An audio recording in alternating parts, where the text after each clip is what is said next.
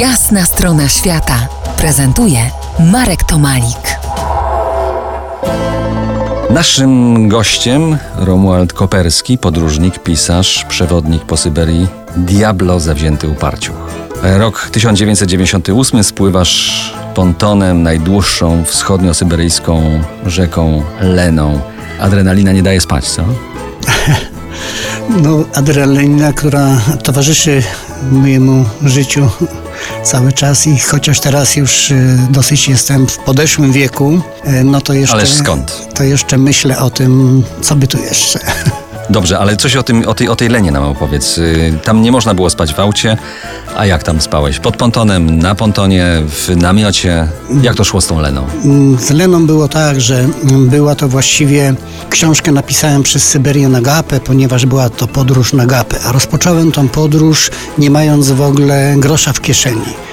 Bo kiedy wylądowałem samolotem w Moskwie, musiałem się przesiąść i wówczas chciałem na pokład aeroflotu e, włożyć ten ponton, który ważył 70 kg, bo miał jakieś drewniane podłogi i tak dalej. I oto się okazało, że no niestety nie mogę, bo jeden bagaż może mieć 35 kg. Jeden bagaż, tylko 35. Na nic się zdały, prawda, jakieś próby opłacenia za nadbagaż. Jeden bagaż 35 kg.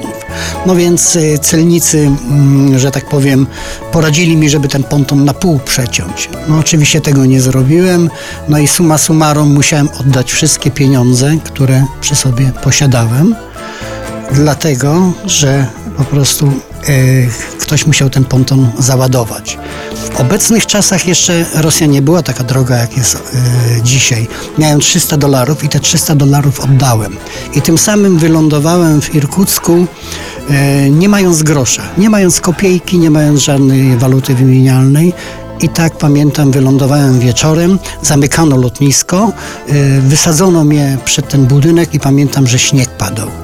Było to na początku maja i tak y, po prostu rozpocząłem swoją wyprawę. Spanie y, było w namiocie. Namiot oczywiście otrzymałem od sponsora, ale też była to wersja letnia, a przypomnę, że rzeka jeszcze na dalekiej północy jeszcze, że tak powiem, w maju jest zima i rzeka sobie zamarzała przy brzegach i ja na tych brzegach, e, że tak powiem, koczowałem. A potem, co pamiętam z tej wyprawy, że ona była na głodno, bo chciałem sobie kupić czajnik metalowy, wszystko chciałem sobie w Irkucku kupić i oczywiście nie mogłem tego kupić i stanąłem przed dylematem, płynąć czy wracać. Przypomnę, że wtedy nie było konsulatu polskiego w Irkucku i tak, e, że tak powiem, e, z kilometra na kilometr po prostu płynąłem.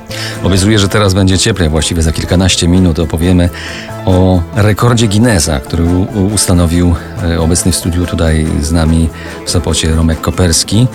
Mm, Nie, to nie będzie o Syberii, to nie będzie na Syberii, blisko miejsca, e, w którym rozmawiamy, padł ten rekord, konkretnie w Gdańsku. Zostańcie z nami.